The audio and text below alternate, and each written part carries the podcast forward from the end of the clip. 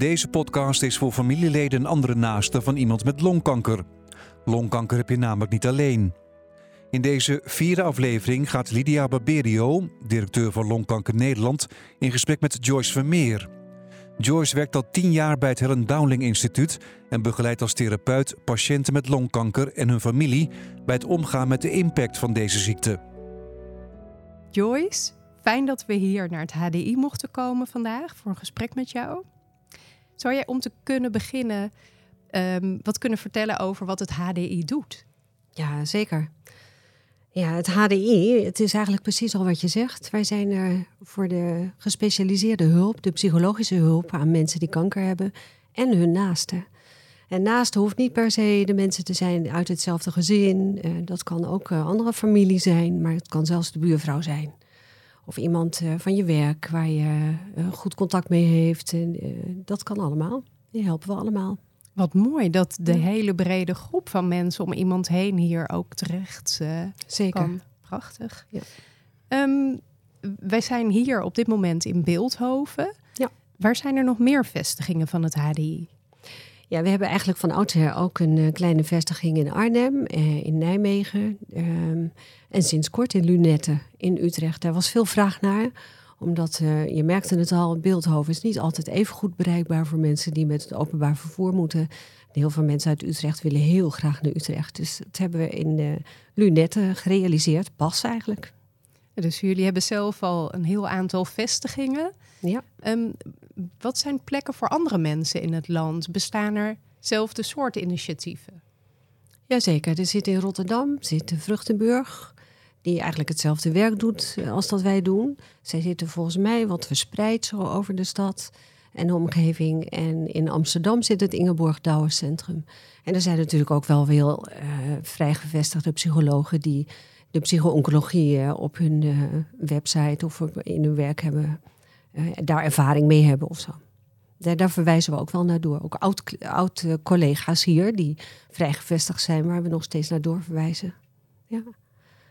En hoe kunnen mensen bij dit soort zorg terechtkomen? Moeten ze daarvoor naar de huisarts of kunnen ja. ze dat in het ziekenhuis aan hun arts vragen? Hoe werkt dat? Ja, eigenlijk allebei.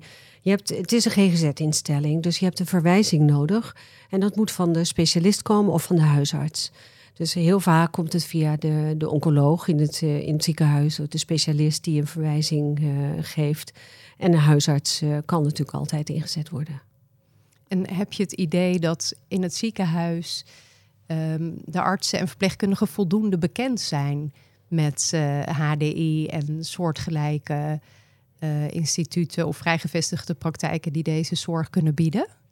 Ja, steeds meer. Ja, in de, in de dik tien jaar dat ik hier werk, is het wel steeds beter geworden. Uh, maar nu hoor ik wel veel meer dat er ook via de cursussen die we geven, dat het veel bekender is, dat veel artsen op de hoogte zijn, heel veel huisartsen die verwijzen. En zeker in deze regio. Ja. Dat is wel heel fijn om te hm. horen dat dat steeds bekender wordt. Ja. En um, ik, ik hoor je zeggen, ik ben zelf ook ziek geweest. Dus eigenlijk ja, heb je ook die ervaring van een ervaringsdeskundige die je mee kunt nemen ja. in je werk. Ja, helaas. Maar dat is wel een pre ja. eigenlijk in dit ja. werk. Ja, zeker. Ja, ja ik kan me voorstellen dat dat een hele mooie aanvulling is. Ja. Uh, ja. ja. Um, heb je nog een idee hoe nog meer mensen um, ja, bewust kunnen worden van dat je ondersteuning kan krijgen bij. We gaan straks ook precies hebben over wat voor soort problemen allemaal. Maar stel je wilt hulp bij.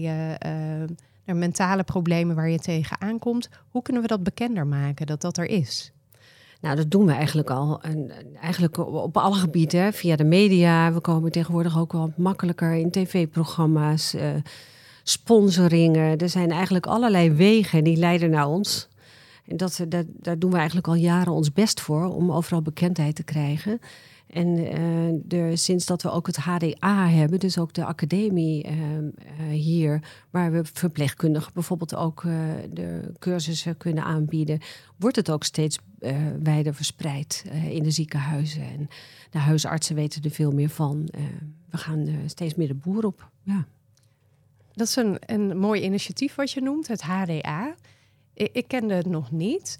Wat kunnen verpleegkundigen hier leren? Is het om hen zelf te ondersteunen in hoe ga je nou ehm, met je patiënt in gesprek om boven water te krijgen of er psychosociale ondersteuning nodig is? Of wat kunnen ze hier leren? Nou, wat ze hier vooral leren is hoe ze voor zichzelf kunnen zorgen. En uh, hoe ze, ja, mentaal fit heette de cursus tot nu toe. Waar ze leren met hun eigen energie om te gaan. Eigenlijk wat we onze cliënten hier ook leren, dat leren de verpleegkundigen ook. En dan krijgen ze natuurlijk zeker een stuk mee van wat we hier doen bij het HDI. Ja, ik kan me ook heel goed voorstellen. Het is natuurlijk niet niks, het werk wat verpleegkundigen en ook artsen doen. Je hebt constant te maken met mensen die heel ernstig ziek zijn en vaak ook overlijden. Mhm. Dus uh, ja, een beetje veerkracht kun je dan wel gebruiken. Zeker, zeker. Mooi, ja. ja. Um, nou, uh, zijn de wachttijden zijn meestal lang. Ja.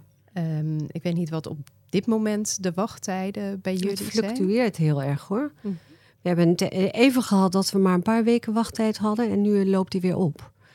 Uh, ja, dat ligt aan de hoeveelheid aanmeldingen per dag. En de, ja, die wachttijden zijn natuurlijk, dat klinkt naar.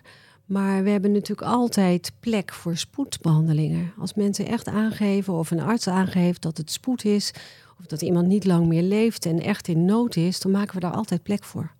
En daar dat hebben we gewoon ruimte voor. Belangrijke aanvulling is. Want Ik kan me voorstellen als iemand naar jullie website gaat, waar jullie ook laten zien hè, van wat is nu de wachttijd. Dat je dan denkt, oh, dat heeft geen zin. En misschien afhaakt, maar ja, ja, dat heeft altijd zin. Ja, precies. Neem contact op. En we, werken ook samen met de POH's, hè, de praktijkondersteuners. Die, die kunnen vaak nog een stuk overbruggen. Huisarts kan vaak overbruggen. En zo houden we ook goed contact met elkaar en eh, elkaar op de hoogte van wat er nodig is. En soms is het zo dat iemand heeft aangemeld en uh, uh, toch een lange wachttijd heeft en dan uiteindelijk uitgenodigd wordt en zegt van ja, ik heb het eigenlijk heel goed zelf aangekund. Het is niet meer nodig. En dan komt er weer plek voor iemand anders. Dus het, het, het, ligt er maar net aan hoe de situatie is. Of een wachtlijst echt een, een, een probleem is. Ja, dus op het moment dat er geen plek bij jullie zou zijn en het is geen spoed, dan kunnen jullie ook adviseren over waar iemand wel in de tussentijd terecht Zeker, ja. ja. En wordt de zorg die het HDI biedt, wordt dat vergoed? Ja, het zit in het basispakket. Dus eigenlijk alle behandelingen hier. En we doen uh, uh, hoofdzakelijk ook gespecialiseerde zorg, uh, maar ook basiszorg. maar je hebt wel een verwijzing nodig van de huisarts of de oncoloog. Ja. ja. helder. Dus het kost mensen zelf geen geld. Dus dat is wel nee goed om te weten. Behalve hun eigen risico dan, hè? Ja. Maar vaak is die al voor een deel Precies. Ja, in dit geval zijn natuurlijk mensen die ziekenhuiskosten vaak maken, waardoor dat eigen risico uh, veel al, al, op zal zijn. Um, we hebben het uh, heel veel al over het instituut zelf gehad. Mm -hmm. uh, nou, werk jij hier als systeemtherapeut. Wat is dat? Ja, dat wordt mij heel vaak gevraagd. Een systeemtherapeut is iemand die uitgaat van uh, het systeem. En een gezin bijvoorbeeld is een systeem. Uh, zoals wij hier met elkaar zitten te praten, is ook een systeem. Uh, het bestaat uit onderdelen. En jij en ik zijn onderdeel. En wij praten met elkaar. Je kijkt me aan en je vraagt iets, ik geef jou antwoord. En daarmee beïnvloed ik ook jouw gedrag en jij het mijne. Nou, dat is ook in een gezin zo, dat is in een team zo. En een systeemtherapeut die zoekt daar ook juist de oplossing. Dus dat gaat niet alleen maar over communicatie, maar dat gaat ook over gedrag, hoe je met elkaar omgaat. Um, hoe je dingen met elkaar afspreekt. Ook de ongezegde dingen met elkaar afspreekt. De regels in een gezin bijvoorbeeld. Het gaat over uh, wie, wie het voor het zeggen heeft. Um, de rolverdeling in een gezin. Nou, mijn taak als systeemtherapeut hier is... Uh, als, een, als er iemand in het gezin ziek wordt... dan ontregelt meestal van alles in het gezin. Um, stel dat moeder ziek wordt, dan gaat vader misschien harder werken. Die heeft zijn baan ook nog, die moet de kinderen opvangen. Um, die raakt ma makkelijk overbelast. Je krijgt dus een verschil in verhouding binnen het gezin. Dus de ene raakt overbelast en de andere die wordt uh, uh, hulpbehoevender, die moet verzorgd worden. De kinderen worden uitbesteed of uh, trekken zich terug, die hebben ook een bepaald gedrag. De ene kind gaat zorgen andere kind trekt zich terug op zijn kamer, gaat gamen. En, en die ontregeling kan, um, kan maken dat mensen veel meer stress hebben dan nodig is. En dat is mijn taak als systeemtherapeut, om dat weer een beetje recht te trekken en met mensen in gesprek te gaan. Ze te leren delen over hun gevoelens. Want ook kinderen bijvoorbeeld, die uh, maken hun gevoelens vaak weg. Juist om te zorgen dat ze niet lastig zijn, bijvoorbeeld. Een naaste, van als, als er een moeder ziek is, de naaste, de man of de, of de vrouw die daarnaast staat, Ehm, die maakt zichzelf ook vaak een beetje weg. Zo van, ja, maar ik ben niet degene die ziek is. Dus ja, maar dat zijn vaak de over, overbelaste mensen die aandacht nodig hebben. en zo zijn er allerlei uh, facetten die als systeemtherapeut uh, goed aan de orde komen. Daarom heb ik ook de mooiste en de grootste kamer hier in het gebouw. Helemaal terecht. Ja. Je noemde al een aantal uh, voorbeelden van situaties waar mhm. mensen in kunnen belanden zou je kunnen aangeven wat, met wat voor soort hulpvragen kunnen mensen hier terecht? Ja, eigenlijk met alle hulpvragen. Het kan gaan over angst, over stress, uh, somberheid, um, ontregeling in het gezin. ja, ik zit te zoeken naar voorbeelden. Mensen komen meestal met stress. Het ligt ook een beetje aan in welke fase van de ziekte dat gebeurt. Hè? Als iemand uh, net de diagnose heeft gehad, dan staat de boel op zijn kop. En dan gaan mensen vaak in de achtbaan, zoals ze dat zelf ook heel vaak noemen. Je gaat van het een naar het ander, je moet allerlei afspraken nakomen. De stress is hoog, mensen krijgen slaapproblemen. Um, soms ook uh, um, problemen daarbuiten, zoals financiële problemen, uh, werk wat ineens ophoudt of wat niet goed gaat, of problemen op het werk, conflicten. Er kunnen ook conflicten in het gezin ontstaan. En al die problemen kunnen wij hier behandelen. Um, uh, trauma, de traumatische ervaringen, bijvoorbeeld uh, in het verleden, die nu ineens omhoog komen door de hoeveelheid stress die mensen hebben. Maar ook trauma opgelopen door de behandeling, um, pijn, um, uh, de stress rond de pijn die mensen hebben van behandelingen. Um, eigenlijk vrouwen bijvoorbeeld met borstkanker, die, uh, die moeilijk nog in de spiegel kunnen kijken, het moeilijk vinden dat, er, dat ze toch er anders uitzien, uh, dat er van alles gebeurt in hun leven. Hun vrouw zijn ineens uh, een ander beeld geeft, maar ook voor de partner, van hoe die daar tegenaan kijkt. Eigenlijk behandelen we hier alles. Alleen het heeft wel een GGZ-kaartje. En daarom is een verwijzing nodig. Dus het moet echt wel gespecialiseerde hulp zijn die gevraagd wordt. Mm -hmm. En Ehm, de voorbeelden die je noemt, die gaan over het moment dat iemand de ziekte heeft. Als er nou na het overlijden um, naast de problemen krijgen um, met de verwerking van de rouw, is, is, is het HDI dan ook een plek waar ze terecht kunnen? Ja, zeker. Als het, als het nog een klassificatie in de DSM heeft, dan kan dat zeker als iemand, weet je, je hebt gewoon, je hebt rouw. Rouw is eigenlijk een heel normale reactie op verlies. Uh, maar het kan ook zijn dat iemand eh, veel te lang in die rouw blijft of uh, ernstig depressief daarvan wordt, niet meer aan het werk kan, um, traumatische ervaringen heeft, niet meer kan slapen. Dat zijn problemen die binnen de GGZ bij ons vallen, waar we, waar we echt een behandeling op kunnen geven. Ja, dus um, om het iets eenvoudiger uit te leggen. Um, iedereen heeft te maken met verlies in het leven. Maar op het moment dat je daar echt dusdanig hinder van ervaart dat je jouw leven niet meer normaal kan leiden, ja. dan wordt het gezien als een GGZ-probleem ja. en mag er een verwijzing naar jullie gedaan worden. Zeker, ja. En de huisarts en de, of de specialist moeten ook bedenken wat voor diagnose die zou kunnen stellen. Um, je, je, noemde net als voorbeeld iemand met borstkanker. Zie je dat er um, um, verschil is tussen mensen met verschillende vormen van kanker? of ze eerder hulp vragen? Dus wij zitten hier natuurlijk als Longkanker Nederland, patiëntenorganisatie voor mensen met longkanker. Merk je daar verschil in? Dat mensen met longkanker misschien minder snel hulp vragen? Of Zie je dat niet zo? Nee, ik zie het niet zo groot verschil. Het is veel eerder dat uh, de persoonlijkheid, hoe je, de kopingsmechanismes die mensen hebben van hoe je met problemen omgaat, normaal gesproken al nu ineens tot problemen kan leiden. Ik denk niet dat het zoveel uitmaakt wat voor soort kanker je hebt.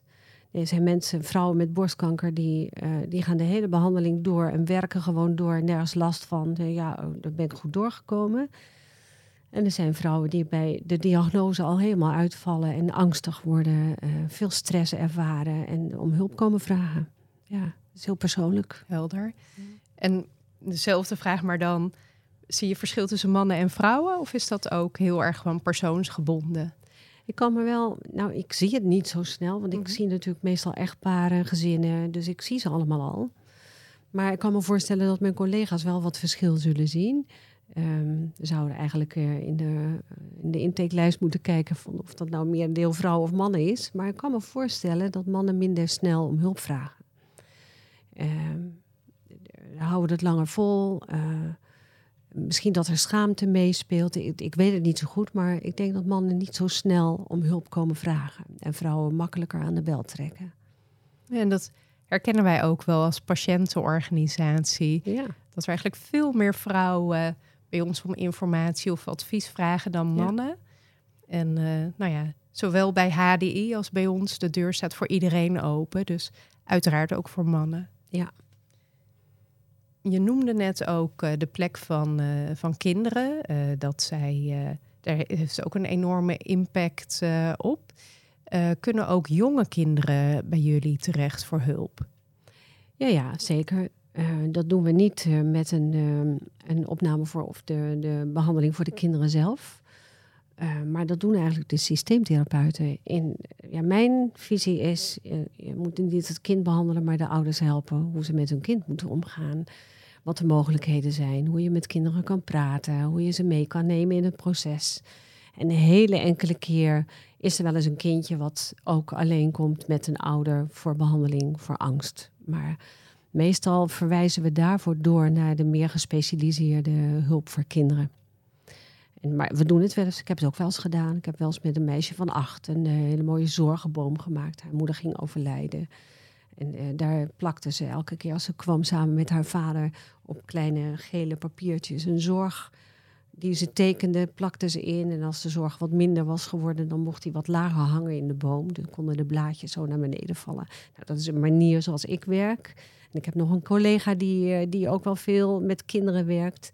Maar normaal gesproken proberen we zoveel mogelijk juist uh, het gezag van de ouders in ere te houden. En ja, de ouders te helpen om daarmee om te gaan. En is het mogelijk om een algemeen advies te geven? Hm? Of het wel of niet is aan te raden om aan jonge kinderen te vertellen dat een van de ouders kanker heeft? Ja, ja zeker. Um, uh, maar dat is ook iets waar ik zelf heel erg achter sta. Ik denk dat kinderen, hoe oud ze ook zijn of hoe jong ze ook zijn, moeten meegenomen worden in het proces. Want een kind gaat zijn eigen proces.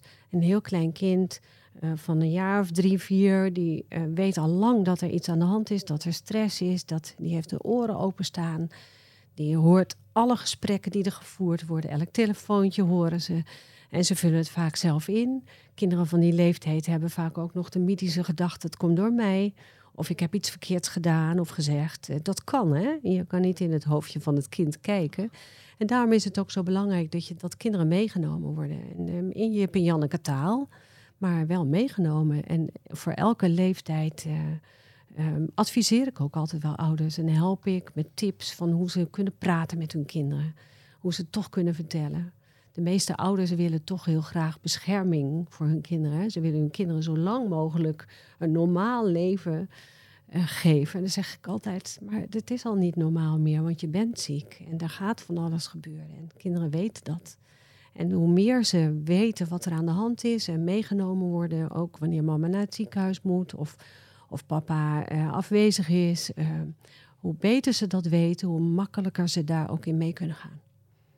Dank. Ik vind dat heel belangrijk uh, dat je dat uitlegt, omdat mensen vaak die struggle hebben. Ga ik dat wel of niet vertellen? Ik denk met jouw kennis en ervaring is het een heel waardevol advies voor mensen. Um, hoe, hoe gaan behandelingen in zijn werk bij jullie? Komen mensen alleen? Komen ze in een gezin? Zijn er een vast aantal behandelingen? Of verschilt het allemaal heel erg? Ja, het verschilt heel erg. Maar we proberen altijd in te zetten als iemand aanmeldt en komt voor een eerste gesprek, voor een intakegesprek, dan uh, dat de partner meekomt als hij er is. Of een belangrijk ander iemand. Dat kan iedereen zijn. Hè? Dat kan ook een vriendin zijn of een, uh, de buurman uh, waar je een goed contact mee hebt. maakt niet uit of een grootmoeder.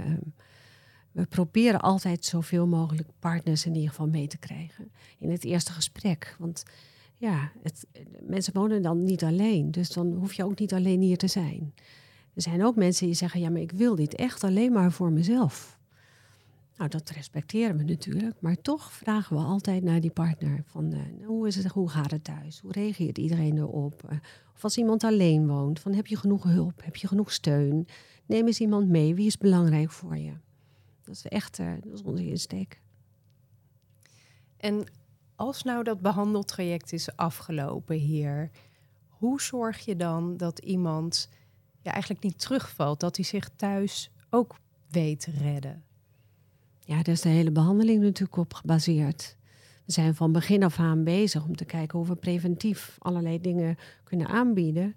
Tools kunnen aanbieden waar mensen ook echt wat aan kunnen hebben. Niet alleen maar hier. Ik zeg altijd, therapie is niet in een therapiekamer, maar dat gebeurt thuis. Je neemt het mee. We geven tips, maar mensen oefenen ook met allerlei dingen. Bijvoorbeeld mensen die, eh, die somber zijn, depressief zijn. Uh, die gaan toch thuis oefenen met het registreren van gevoelens en hoe ze daarmee omgaan en hoe ze het anders kunnen doen. Dus je bent vanaf begin af aan al preventief bezig, zodat ze ook echt verder kunnen. Inzichtgevend in hoe iemands verleden eruit ziet en hoe dat meespeelt nu in deze stressvolle situatie. En bij de andere mens, eh, bij iemand anders zal je veel meer bezig zijn op de praktische, pragmatische manier van hoe kun je omgaan met die gevoelens? Wat kun je anders doen? En zo hebben we ook allerlei online uh, behandelingen. Bijvoorbeeld de behandeling Minder Moe. Die geef ik zelf ook al jarenlang. Waar mensen echt tools leren hoe ze omgaan met, met hun gevoelens. En worden zich vaak ook veel bewuster van hoe ze zich voelen en hoe ze daar anders naar kunnen kijken. Het is ook een onderwerp wat eigenlijk bijna iedereen met kanker wel heeft. Hè? Enorme vermoeidheid. Ja. ja. Dus dat is uh, ook heel mooi om te horen dat daar ook online uh, een training voor beschikbaar Zeker. is. Ja. Geweldig. Vaak hebben mensen last van een chronische vermoeidheid. Ehm, en dat, dat heeft vaak ook te maken met uh, de instandhoudende factoren die mensen hebben. Ze willen graag terug naar hoe ze waren.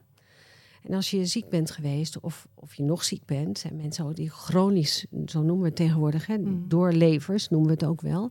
Mensen die ziek zijn en ehm, ehm, nog jarenlang leven die hebben ook vaak last van enorme vermoeidheid, waarvan vaak een deel is van iets wat ze zelf nog in stand houden. Door het piekeren bijvoorbeeld, of door um, uh, meer te willen dan dat ze kunnen. En steeds over grenzen heen te gaan. En dat leren we, daar leren we mensen ook steeds bewuster van te worden. Want uh, ook met mensen met longkanker natuurlijk, die hebben mm. enorme last van vermoeidheid. Gewoon omdat hun longcapaciteit minder is en uh, ze daar last van hebben. Dus we behandelen in die zin ook minder moe voor mensen die, waarbij het logisch is dat ze moe zijn. Uh, maar er toch anders kunnen, mee kunnen omgaan, mee leren omgaan. Zijn er nog onderwerpen waar we het niet over hebben gehad, waarvan je zegt, nou, dat wil ik heel graag meegeven aan de luisteraars? Nee, ik zou, nee, kom niet zo bij me op. Nee. nee. Nou, dan wil ik jou heel hartelijk danken ja. dat jij aan deze podcast wilde meewerken. Het is heel waardevol voor zowel familie als patiënten om te weten dat het HDI bestaat, dat er ook andere instanties bestaan die deze hulp kunnen bieden. Schroom niet om die hulp ook uh, te vragen. En uh, ja, nogmaals, heel hartelijk dank. Heel graag gedaan.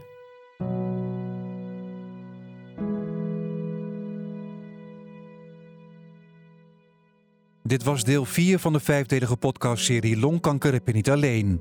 In de volgende aflevering hoort het verhaal van verpleegkundig specialist Gerdien Beumer.